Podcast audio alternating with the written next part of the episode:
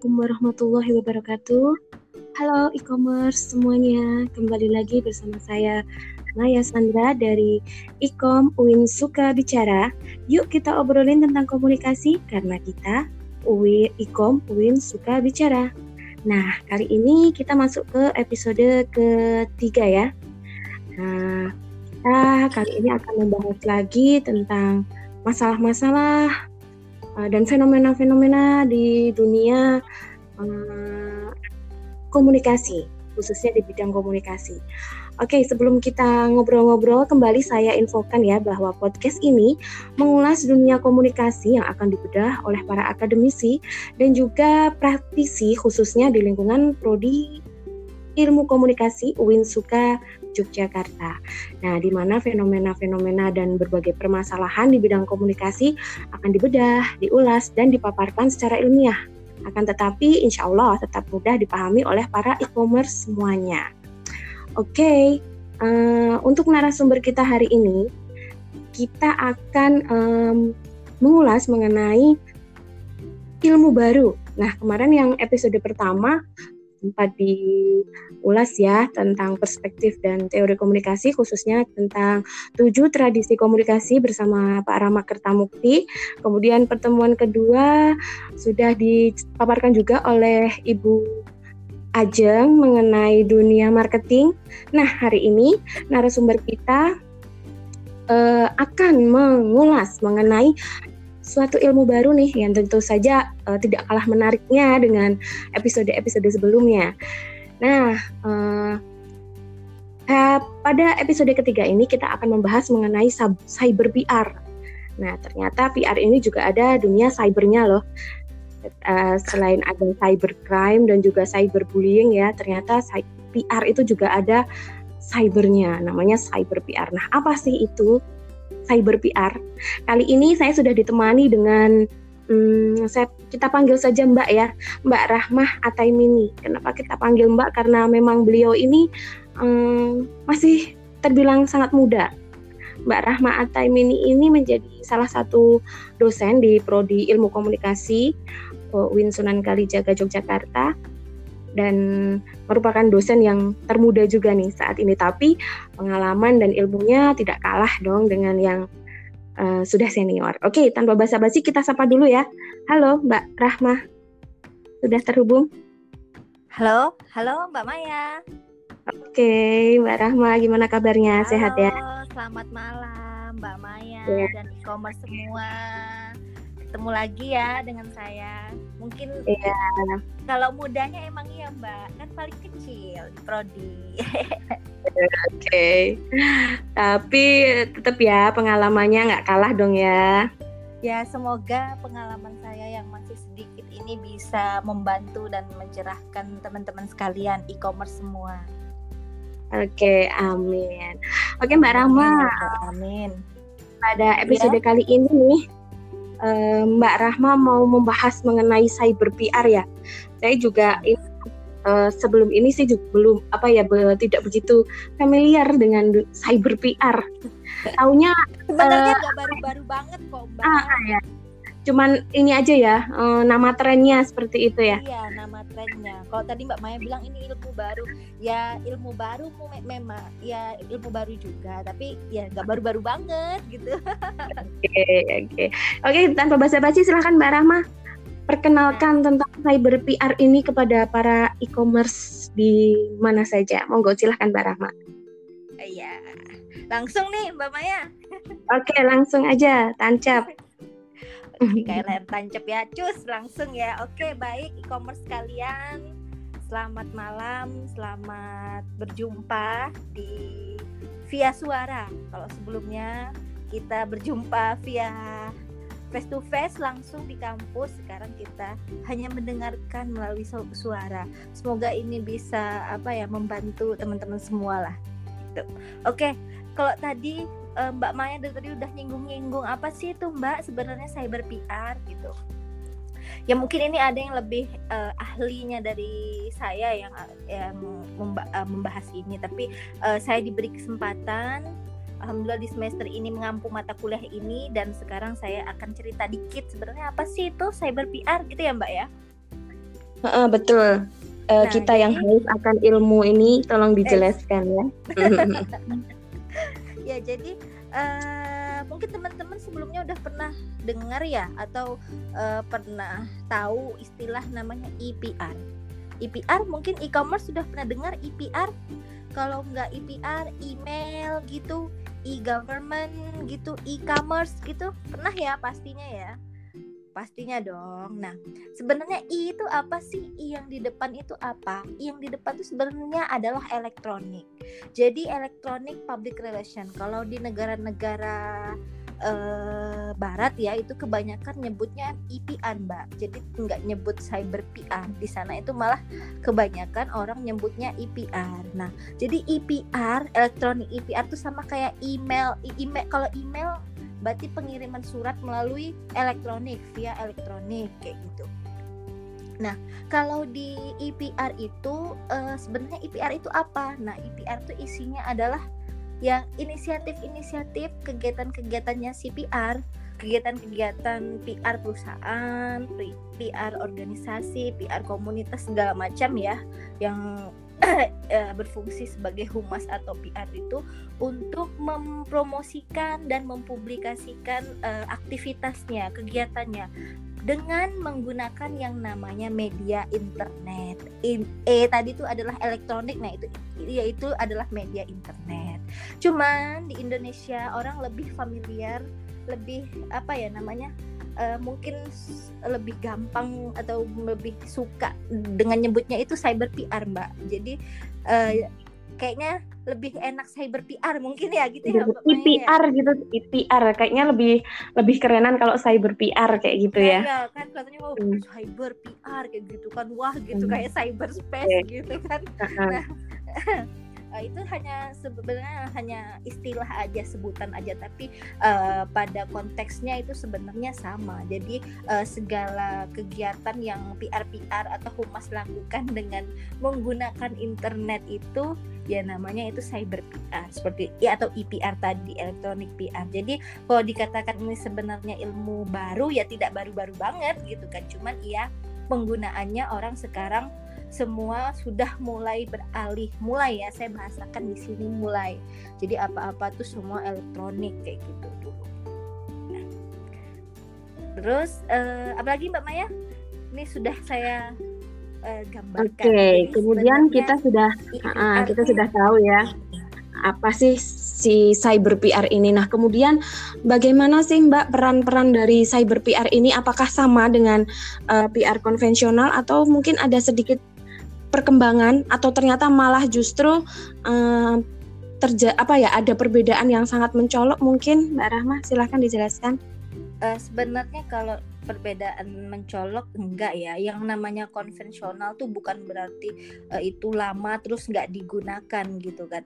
Tapi itu konvensional tetap digunakan tapi yang sekarang orang kebanyakan menggunakan internet tadi. Kenapa orang banyak menggunakan internet? Salah satu manfaatnya ekonomis. Nggak perlu kan? Kalau dulu kita mungkin harus ngirim-ngirim surat ya. Dulu mungkin humas-humas uh, atau gini deh. Kita kalau pagi itu misalnya humas seorang humas kan harus tahu ya uh, apa berita perusahaannya. Jadi harus apa ya itu namanya memonitoring berita kayak gitu kan kalau zaman dulu itu mungkin pakai clipping-clipping gitu ya Mbak. Zamannya Mbak Maya hmm, mungkin iya. itu masih ada clipping-clipping gitu pakai ya. kertas ya, digunting-gunting iya, gitu kan tempel. Karena pas zaman saya uh. waktu magang itu masih ada seperti itu Mbak. Masih ada clipping-clipping. Uh. Monitoring uh. itu. Sebenarnya itu tidak ditinggalkan juga gitu kan. Tetap ada. Itu kan uh, bagian dari bukti fisik saya rasa. Jadi waktu saya magang itu tetap ada. Jadi tetap memonitoring via data. Via data tuh ya kita masukkan di di komputer, kemudian uh, punya bank data sendiri seperti itu. Dan konvensionalnya juga tetap. Jadi kalau mau cari butuh hardnya tuh kita juga sudah ada. Jadi kalau saya bilang kalau ditinggalkan sih enggak, enggak juga lah. Tapi emang karena orang berlarinya sekarang ke, karena perkembangan teknologi ya berlari pakai gunain internet semuanya. Jadi PR tuh ya dia juga ikut berlari seperti itu. Nah, karena kita tahu mungkin dan kita rasakan bersama manfaat dari adanya perkembangan internet itu. Kalau tadi saya contohkan apa uh, berita mungkin dulu itu kan ya kayak tadi uh, sekarang ya sekarang itu kalau berita uh, orang perusahaan gitu itu kan um, ada websitenya ada situs khususnya. Jadi tuh mau upload berita atau apa itu bisa di di websitenya. Jadi nggak nggak harus membuat press release atau buat berita uh, dulu kayak gitu loh mbak. Jadi bisa langsung diupload di website dan situsnya. Jadi itu kan itu interaksinya bisa langsung gitu ya. Itu kan manfaat yang dirasakan dari uh, perkembangan internet itu sendiri seperti itu. Hmm, oke. Okay. Dan real time ya yang jelas itu real time. Kalau kalau internet tuh kan kayak tadi kan bisa langsung ya. Komunikasinya hmm. tuh bisa langsung interaktif, real time saat itu juga gitu loh Mbak. Itu salah satu bukan salah satu salah banyak dari manfaat-manfaat. Kenapa kok sekarang PR-PR pun juga menggunakan internet uh, sebagai kegiatan dan inisiatif uh, kegiatan-kegiatan mereka kayak gitu. Itu sih sebenarnya simpelnya kayak gitu. Oke, berarti uh, sebenarnya pada intinya um, di dunia public relation ini juga mengikuti perkembangan zaman ya karena sekarang kita berada pada era digital. Yeah. Jadi iya, semuanya itu kan sekarang sudah uh, apa ya uh, media apa pun itu berubah dari konvensional ke digital. Begitu juga dengan dunia PR ya Mbak ya. Jadi strategi -huh. kepiaran kehumasan itu juga uh, digeserkan dari yang konvensional. Mungkin konvensional juga tetap tapi uh, uh, para public relation uh, para penggiat humas atau public relation itu juga memiliki strategi untuk memenuhi tuntutan zaman di era digital jadi juga menggunakan cyber public cyber public relation ini begitu ya. Iya, gitu, okay. gitu Mbak Maya.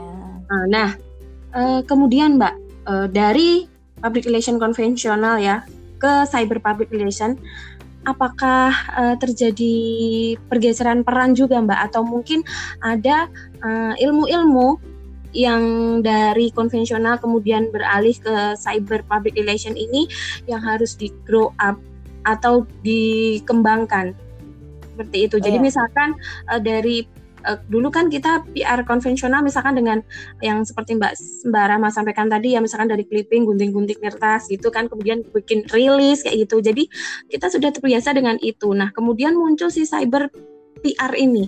Apakah di situ uh, nanti akan ada ilmu baru atau mungkin ada skill-skill baru yang harus digali oleh uh, public relation atau dari humas-humas baik itu di sektor pemerintah swasta dan perusahaan seperti itu Mbak Rama? Nah, uh, jadi kalau kita sekarang kita berbicara media ya, karena internet hmm. itu erat kaitannya dengan media jadi media itu macam-macam ada media sosial media online kayak gitu kan. Jadi uh, kalau yang sebelumnya kenapa jadi bagi saya seorang PR tuh harus bisa menguasai media tadi itu mbak. Kenapa hmm. kok begitu? Kalau PR itu kan ya uh, wajahnya seorang perusahaan dia yang apa e, membentuk citra perusahaan itu juga bisa salah satu tugasnya PR. Jadi di situlah perannya dia untuk menggunakan eh, media-media yang ada itu untuk mengembangkan perusahaannya seperti itu. Media sosialnya tentu macam-macam. Nah jadi kompetensi-kompetensi apa yang sebenarnya harus dimiliki oleh PR? E, ya kompetensinya banyak macamnya ya Mbak ya. Kalau menurut saya yang harus dimiliki PR itu uh, kemampuan digital kayak gitu kemampuan mengorganize mengorganize apa media sosial gitu. Jadi sebenarnya kalau dilihat kayaknya menggunakan media sosial tuh gampang ah gampang kok kayak gitu. Tapi seorang PR tuh harus bisa menggunakan atau bisa mengorganize uh, media sosial perusahaannya tuh dengan baik. Jadi nggak asal uh, update status apa kayak gitu di media sosial tuh nggak gitu. Ini konteksnya untuk PR PR perusahaan atau PR PR pemerintahan ya gitu Mbak ya. Jadi tidak tidak apa tidak langsung asal kayak gitu. Ini masalah sepele terkait uh, me media sosial terkait konten yang akan di yang akan diupload kayak gitu kan. Itu ad harus ada kompetensi yang namanya uh, kemampuan analitik. Sebaiknya ini bagus atau tidak untuk diupload seperti itu. Jadi harus bisa mengorganisir eh, konten-konten uh, yang ada di media sosialnya seperti itu. Hmm. nah uh, terus uh, PR juga kan uh, biasanya kontennya menulisnya juga PR jadi tuh kata-kata yang digunakan seperti itu gimana agar bisa membangun jaringan informasi-informasi terbaru. Jadi tuh seorang PR tuh harus punya kompetensi-kompetensi yang seperti itu kalau menurut saya gitu. Halo? Ya, berarti uh, sebenarnya memang kalau untuk kompetensi itu tidak ada perbedaan yang mencolok ya antara uh, PR konvensional ya. Kalau di dalam uh, kajian ilmiah PR konvensional itu yang di yang di 1.0 itu ya Mbak Rahma ya. Betul iya, ya? jadi nah, 1.0 betul, ya. itu uh, 1.0 sebentar. Jadi 1.0 Jadi 1.0 dulu tuh era di mana humas itu jalannya masih kayak tradisional itu loh Mbak yang kayak hmm, saya tadi yeah. bilang masih hmm. media cetak itu tuh sekitar tahun 1960 sampai 1970-an jadi tuh koran, clipping di majalah, di televisi kayak gitu itu tuh hmm. humas atau PR yeah. yang 1.0 gitu. Sementara kan kita sekarang udah di era yang 4.0 ya Mbak Maya ya. Oh oke, okay. berarti sudah memang perkembangannya sudah pesat sekali ya dari yeah. 1.0 sekarang 4.0. Ya kalau untuk apa ya uh, tadi kompetensi jelas karena uh, sudah berkembang begitu pesat.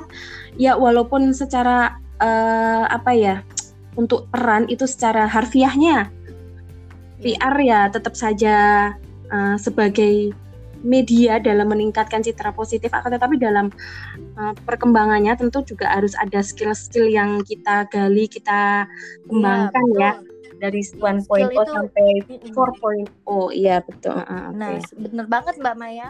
Kalau sekarang kalau ditanya PR tuh harus punya skill apa? Kalau bisa ya dalam diri seorang PR kamu gitu ya misalnya. Yo PR sudah cantik ya Mbak ya PR itu kan mm -hmm. biasanya yang cantik ya. Looking gitu ya. bukan eh, eh bukan bukan saya membahasakan cantik tapi itu uh, uh, lagi kan tapi PR tuh rapi. Kan biasanya uh, orang PR tuh rapi uh, berjas. Ditambah lagi dia punya skill-skill yang mumpuni. Saya rasa itu uh, apa itu PR yang sangat dicari di mana-mana gitu. Skill yang mumpuni tadi yang seperti saya bilang kayak kemampuan digital kemampuan analitik membuat konten menulis konten kayak gitu kan. Mempersonalisasi konten tadi ya mengorganize konten tadi itu loh tahu targetnya siapa, tahu uh, harus kreatif dan mampu mendekatkan personal dengan target kita. Kita itu gimana seperti itu. Jadi tidak hanya sebatas apa kalau dia punya kompetensi-kompetensi itu gitu kan tahu tren-tren global global yang jadi itu saya rasa jadi paket komplit yang di, punya daya tawar sendiri bagi seorang alumni ilmu komunikasi khususnya yang uh, konsentrasi di public relation seperti itu setuju ya hmm. Mbak Maya ya? Setuju banget. Ya harus gitu kan? Iya jadi uh, apa ya ini sekaligus juga untuk me membuktikan ya Mbak ya Mbak ya bahwa seorang public relation itu bukan hanya cantik atau ganteng aja misalkan kayak itu tapi juga ada skill-skill lain selain itu. Jadi iya. kalau cantik dan ganteng aja tapi dia tidak memiliki seperti kayak daya kritis dan analitis yang baik ya mungkin dia tidak tidak akan bisa menjadi seorang public relation yang baik ya. Jadi memang harus paket komplit ya ini. Tanggung jawabnya ya, besar sekali ini berarti uh, uh, tanggung jawabnya uh, lumayan besar lah gitu. Jadi uh, dia tidak iya. hanya cukup dengan ganteng mutlak aja atau cantik hmm. mutlak aja tuh enggak. Tapi skill-skill yang tadi kompetensi yang harus dia miliki tadi. Oh satu lagi nih Mbak Maya, sepertinya hmm. seorang PR tuh harus punya integritas, integritas oh, ya, betul, tegas betul. gitu ya, harus punya hmm. uh, integritas dirinya. Kayak misalnya lagi ada apa?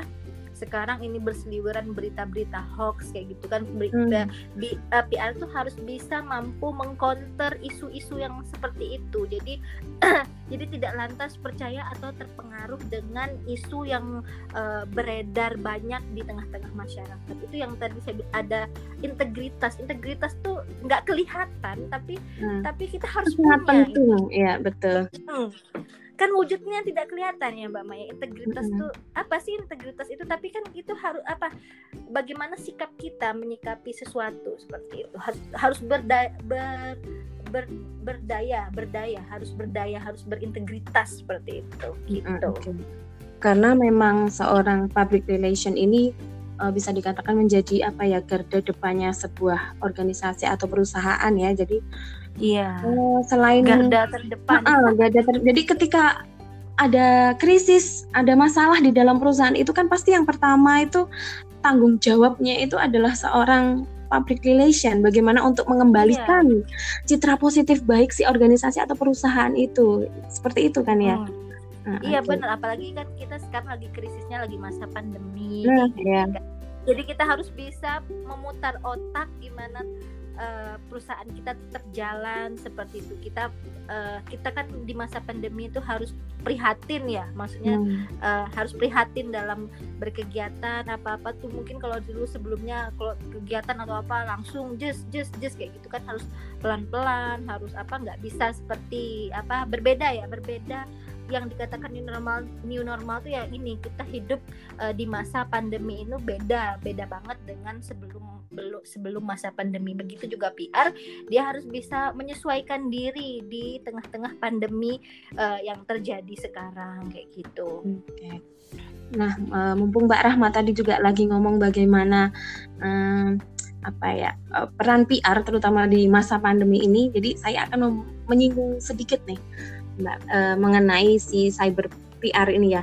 Nah, uh, menurut Mbak Rahma nih, kira-kira tantangan apa yang harus dilewati uh, oleh cyber PR, Mbak? Jadi, apakah ada tantangan yang lebih berat daripada uh, PR yang konvensional atau ternyata malah justru cyber PR ini memiliki resiko yang uh, sangat kecil dibandingkan dengan uh, PR yang konvensional, Mbak Rahma?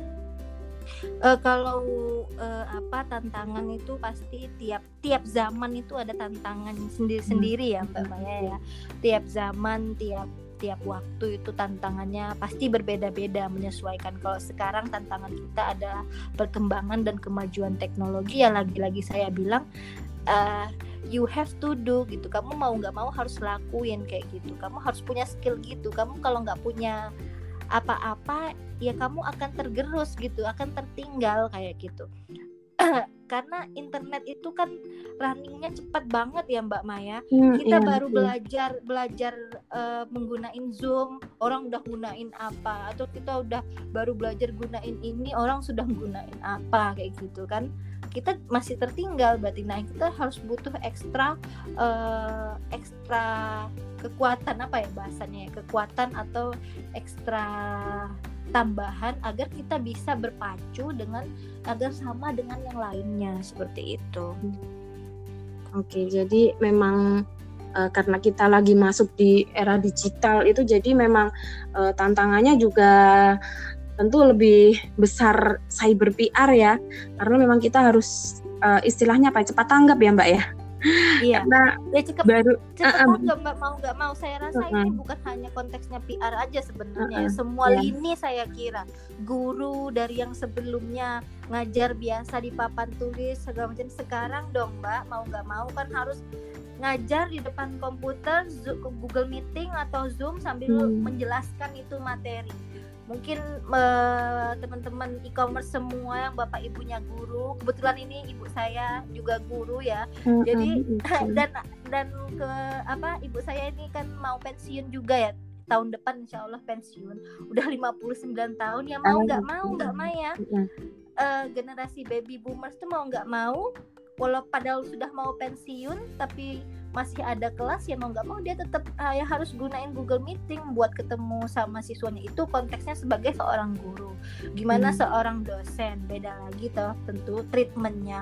Gimana seorang PR PR profesional PR perusahaan PR apa uh, humasnya pemerintah pemerintah kayak gitu. Misal kayak apa humas humasnya Jogja deh sekarang yang baru-baru ini pas waktu kemarin ada ada apa demo kayak gitu kan gimana humasnya bersikap seperti itu. Jadi setiap orang punya uh, setiap zaman ada tantangannya gitu. setiap orang juga punya tantangannya seperti itu. Setiap lini bahkan politisi segala macam gimana coba ini mau pilkada ya kan? Gimana uh, memutar uh, apa memutar otak agar tetap pilkada di tengah-tengah pandemi ini saya juga masih bingung hmm. itu Mbak Maya. Nah, di semua nah, lini bahkan mungkin polisi gimana patrolinya sekarang apa tetap jaga gitu apa gimana nah saya itu saya rasa semua lini semua lini semua aspek gitu. saya kira punya tantangan sendiri-sendiri dan kembali lagi kitanya kembali ke kita kitanya mau tidak berusaha dan mengikuti uh, apa yang sedang itu itu saya ya karena saya kalau bagi saya uh, perkembangan teknologi itu bukan lantas ya wes lah perkembangan ya jalan dewe jalan jalan sendiri sendiri gitu enggak tapi lantas hmm. harus kita ambil kesempatan itu kita harus pelajari gimana kenapa orang lain bisa saya enggak gitu itu itu yang dari dulu tuh selalu jadi pertanyaan bukan selalu saya pertanyakan dalam hati dari kecil bahkan ya ini Mbak Maya ini hmm. agak melenceng-melenceng dikit boleh lah ya oke okay. Ya nah, silakan iya ya gitu. Uh, apa namanya kita tuh harus apa kenapa orang lain bisa terus kita enggak? Jadi nah itu yang kembali lagi saya peng, uh, pengen itu ya kembali mengajak teman-teman e-commerce semua uh, yang khususnya mungkin sudah semester-semester atas pengen bergelut ke dunia PR kayak gitu ya. Jadi uh, teman-teman sendirilah yang harus menyiapkan diri. Kita kan saya tadi cuma bilang kamu harus punya kompetensi kamu harus bisa personalisasi konten. Tren global harus kamu kuasai. Saya kan bilang aja yang akan melaksanakan nanti mahasiswanya akan melaksanakan e-commerce semua. Jadi teman-teman semua harus uh, yang pertama tuh niat dulu kemudian hadapi tantangan itu hadapinya dengan cara diikuti di, dilaksanakan kayak gitu gitu mbak hmm. Maya oke okay. nah kemudian uh, mbak Rahma tadi berbicara mengenai uh, apa ya implikasi dari cyber PR nah saya ada sedikit kasus nih ya Mbak ya. Tadi juga yeah, sempat yeah. tentang pilkada gitu ya. Nah, mm-hmm. kemudian karena era digital itu kan juga era informasi itu sangat cepet ya Mbak ya, terutama mm-hmm. pada saat pilkada, ah, apalagi saat pilkada-pilkada kayak gini ya. Jadi informasi itu sangat cepat, saking cepatnya itu terkadang kita tidak bisa memilah antara mana informasi yang benar dan mana informasi yang salah atau yang sering kita sebut sebagai hoax. Jadi kadang itu malah justru uh, informasi yang uh, cepat itu justru malah yang hoax dulu daripada informasi yang uh, yang yang apa ya yang yang sebenarnya ya, terjadi dan terkadang uh, masyarakat itu juga uh, nggak nggak nggak begitu familiar juga dengan dunia digital. Jadi terkadang informasi itu ditelan secara mentah gitu loh. Jadi ya uh, ya terutama yang bagi masyarakat yang di uh, yang maksudnya yang kurang-kurang melek media seperti itu ya. Jadi terkadang mereka mendapatkan informasi ya secara mentah. Mereka tidak tahu bagaimana uh, cara mengkonfirmasi informasi itu uh, benar atau enggak. Nah, uh, khususnya di pemerintahan atau misalkan di perusahaan yang mungkin lagi terkena cobaan untuk um, lagi gencar tentang berita hoax. Misalkan kalau pilkada itu kan jelas ya yang diserang itu dari uh, pihak Politik. calon presidennya atau misalkan tentang uh, isu yang lagi hangat nih tentang omnibus law. Jadi ini kan yang diserang itu adalah dari uh, pemerintahnya gitu ya. Nah sekarang uh, menurut Mbak Rahma sebagai seorang praktisi di dunia perpiaran gitu, uh, men, uh, misalkan uh, terjadi kasus seperti ini ya kayak misalkan ada kemarin itu muncul berita hoax tentang omnibus law dan akhirnya menyerang ke pemerintah. Sampai uh, netizen itu luar biasa dahsyat sekali ya bagaimana responnya. Nah bagaimana sih peran-peran si cyber PR kalau dalam kasus ini mungkin cyber PR di humas ya. Eh di di pemerintah maksudnya cyber PR pemerintahan dalam menghadapi um, kendala yang seperti ini Mbak. Kayak misalkan isu uh, isu-isu yang tidak benar berita yang salah atau hoax seperti itu. Bagaimana si cyber PR ini bekerja? Caranya dengan seperti apa? Nah Oke, uh, kalau uh, mungkin um, uh, apa cara kerjanya cyber PR gitu ya Mbak Maya ya. Hmm. Jadi kalau konteksnya tadi permasalahan apa uh, masyarakat kurang sadar media dan segala macam padahal itu bahaya banget ya. Hmm, uh, iya, konten hoax, konten ilegal itu tuh kan masuknya nanti bisa ke ranah cyber crime itu Mbak. Jadi nah, ternyata turunan-turunan dari ini implikasi yang tadi Mbak Maya tanya tadi itu tuh banyak banget nah kayak konten ilegal, hoax dan segala macam malware segala macam itu masuknya bisa ke ranah uh, cyber crime itu pelanggaran ITE uh, saya lupa itu pasalnya yang berapa itu Hmm. itu yang harus diwaspadai. Nah, uh, apa kiat-kiat atau apa yang harus kita lakukan agar kita bisa apa pertahanan diri ya gitu. Kita Hmm. kita sebagai juga seorang PR kayak gitu kan. Kita harus bisa atau bisa mengadakan apa literasi media, literasi digital itu tuh terkesan remeh apa sih? Cuman mengko meng, apa eh, apa ya namanya mengkoordinir atau meng apa meliterasi gitu kan. Tapi ternyata itu tuh awal dari sesuatu yang kecil tuh yang ya ya itu yang harus dilaksanakan kayak gitu kan. Kalau kurang kalau kurang apa kurangnya literasi gitu kan orang kurang baca kayak gitu kan. Jadi kan apa-apa tuh semua jadi mudah ditelan, mentah-mentah. Nah jadi saya rasa jadi seorang PR itu di apa seorang PR kemudian dia menggunakan uh, media-media elektronik ya. Jadi cyber PR itu PR yang menggunakan media-media elektronik itu bisa membuat dan bisa melitereret melitereret apa ya meliterasi bahwa ini ini nih konten digital ini bagus ini ini konten yang legal yang bagus untuk disebarkan ini ini berita yang ini berita yang pas kayak gitu. Jadi bukan malah uh, berisi ke konten-konten ilegal yang justru malah ke uh, hoax dan penyebaran berita bohong kayak gitu karena itu ujungnya nanti ke cyber crime kayak gitu Mbak Mai. Jadi ada skill yang namanya literasi media, literasi hmm. digital kayak gitu. Itu itu itu saya rasa perlu banget ya untuk seorang PR. Nah, uh, apalagi kan kita tahu PR ini kan kerjanya IPR tadi itu kegiatannya menggunakan media semua kayak gitu kan. Nah, di situ harus ada keahlian-keahlian tadi. Ya, kalau konteksnya tadi apa bicara uh, apa hoax dan berita bohong dan segala macam saya rasa itu harus ada literasi dari dalam. Gini dulu seperti itu. Hmm, gitu. Mbak Maya. Panjang juga ya Mbak Maya ternyata kita oke okay, karena ternyata menarik juga ya Mbak. Iya nah iya karena memang iya apa ya, ini ya? Uh -uh karena memang ini itu apa ya kalau menurut saya cyber PR ini memang lagi booming kan karena ya kebetulan kita juga lagi masuk ya Mbak Rahma ke dunia digital jadi memang uh, lagi tren-trennya jadi kalau mau dibahas itu pasti akan sangat menarik sekali ini. Iya, perlu kayaknya tambahan SKS nih Mbak uh, Oke. Okay. Jadi nah dari satu uh.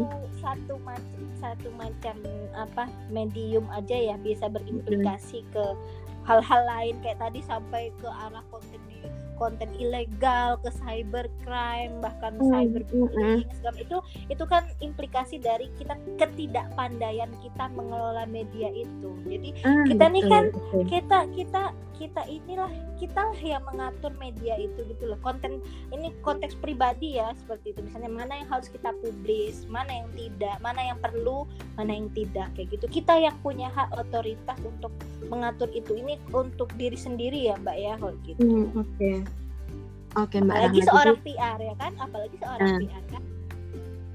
Jadi saya uh, dari uh, penjelasan Mbak Rahma yang terakhir tadi saya setuju, saya setuju banget. Jadi memang uh, cyber PR, uh, cyber PR, jadi para praktisi public relation di dunia cyber, di dunia digital itu memang tantangannya sangat berat ya dan tentu mereka juga mengalami apa ya kendala yang sangat berat banget itu untuk memberikan edukasi ke masyarakat mengenai apa Mbak melek melek digital ya namanya ya. Iya melek digital. Ya. Ah. ya literasi lah melek, uh, bener, melek, melek digital. Apalagi itu uh, untuk menangkal berita-berita hoax itu memang memang sangat sangat dibutuhkan lah untuk masyarakat uh, mengenai hmm. pengetahuan tentang literasi digital. Uh, terutama uh, saya jadi ingat ketika membuka Twitter atau membuka Instagram gitu ya. Terkadang kan ada akun-akun dari pemerintah juga ya misalkan humas dari humas tuh hampir semuanya baik itu pemerintah ataupun swasta itu sekarang mereka memiliki akun yang fungsinya mungkin juga untuk memberikan literasi itu ya. Jadi yeah, ketika yeah, ada berita bohong itu juga sebagai bisa digunakan sebagai bahan konfirmasi ya. Jadi ketika iya, masyarakat yeah, itu mendapatkan informasi yang tidak benar mereka bisa langsung uh, apa ya mengklarifikasi ke akun-akun yeah. tersebut gitu dari ya. Bahkan media sosialnya masing-masing nah, nah, gitu. bahkan dari dari apa ya humasnya desa lah mungkin dari apa ya humas kepala kelurahan. desa sampai ah, ah, humas kelurahan sampai uh, dari instansi Polri pun sekarang sudah memiliki akun-akun humas nampaknya mulai dari Polsek sampai ke tingkat atas lah mungkin Polri, Humas Polri gitu ada. Jadi mungkin memang itu strategi Sampai dari Polsek juga sudah ada ya Mbak ya dari Eh, iya sudah ada Mbak. Bahkan nah, dari kelurahan pun ada karena memang sekarang itu informasi ini ya Mbak cepat sekali. Jadi saya senang banget. Jadi saya terus akhirnya jadi keinget ketika Mbak Rah, Mbak Rahma tadi bilang tentang literasi digital gitu ya. Jadi memang benar-benar itu yang harus yang harus di lebih digalakkan lagi lah untuk masyarakat. Jadi biar tidak serta merta menerima berita itu langsung dimasukkan ke otak dan langsung direspon seperti itu. Iya. Oke Mbak Rahma, sudah panjang ya, sekali Mbak. ini. Iya, saya kira uh, uh, mungkin nanti bisa uh, uh, dilanjut lagi ya. Nah, yang terakhir nih Mbak Rahma, mungkin ada statement terakhir dari Mbak Rahma untuk menegaskan kembali tentang cyber PR yang bisa berguna bagi uh, para e-commerce di mana pun berada gitu Mbak ilmunya atau uh, apa gitu jangan-jangan mungkin uh, iya ini sedikit close close closing statement dikit aja ya Mbak ya. Jadi apa uh, cyber PR itu ada. Kita menggunakan. Kita kita kita jalani kita ikuti seperti itu. Tapi kita tetap harus tahu diri kita nih sebagai PR tugas kita tuh apa? Skill yang harus kita ada itu apa kayak skill literasi digital itu juga skill loh mbak. PR tuh harus punya skill meliterasi digital tadi. Jadi tidak serta merta semua uh, apa tsunami informasi ini banyaknya informasi itu langsung ditelan gitu aja kayak gitu. Hmm. jadi kita mau tidak mau karena kita PR kita aktivitas kita menggunakan internet ya cyber PR segala kegiatan media sosial media online kita harus punya punya apa kemampuan, punya skill, punya kompetensi yang kita gunakan agar uh, kita bisa uh, menggunakan uh, media internet tadi untuk sarana aktivitas kegiatan PR kita tuh dengan baik sesuai porsi-porsinya seperti jadi agar tidak sampai merembet-rembet ke permasalahan apa kesalahan penggunaan media dan segala macam sampai uh, apa ter sampai ke berita bohong dan segala macam kayak gitu gitu Mbak Maya. Oke. Okay. Jadi harus punya dari diri e-commerce semua tuh uh, uh, saya ini seorang PR saya harus punya skill kayak gitu. Oke, menarik sekali. Berarti bahwa mau itu uh, eh, PR konvensional ataupun cyber PR itu harus punya skill yang mumpuni ya, terutama bagi yeah. cyber PR nih tantangannya mungkin akan lebih uh, besar karena kita lagi berada kita di dunia tahu tahun depan mungkin, hmm, nah. mungkin media sosialnya ada lagi yang baru sekarang hmm. booming kan TikTok juga orang lagi heboh TikTokan kayak gitu hmm. kan uh, uh. tahun depan mungkin beda lagi kayak gitu kan kita kan berputar di media eh, internet tadi itu jadi kita kan di dalam arus yang sedang berputar itu kita kita nih mau apa kayak gitu kita hmm. harus punya uh, jadi tidak asal berputar-putar dalam arus tapi nggak tahu kita nih apa harus apa nanti dampaknya gimana. Kita harus punya tadi itu kompetensi. Hmm, nah oke. Okay. jadi uh, grow up your apa yang uh, kompetensinya ya.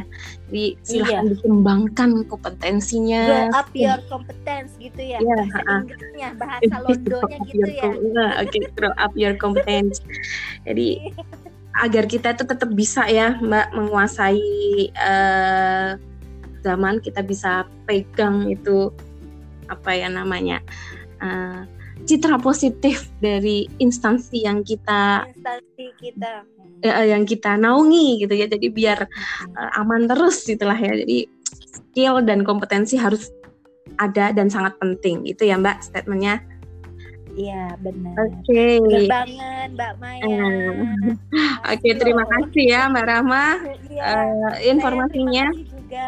Nanti kita sambung lagi dengan tema-tema yang lebih menarik lagi atau mungkin tentang masih tentang cyber PR tapi kita ulas lebih panjang lagi gitu ya Mbak Rahma ya. Iya, kalau tadi masih nah. sebatas cyber PR aja nanti mungkin lebih khusus cyber crime di mana, cyber cyber yang lain. Nah, gitu. betul. Oke. Okay.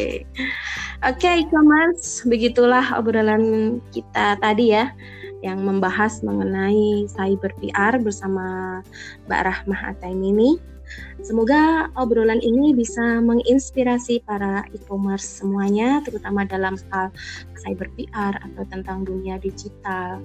Nah, untuk episode berikutnya nih, kita akan bahas apa lagi ya mengenai uh, yang tentu tentunya sih tetap pada topik-topik di dunia ilmu komunikasi yang berbeda. Tentunya dengan narasumber-narasumber yang berbeda. Nggak kalah kece. Yang nggak kalah kecenya yang lebih menarik juga.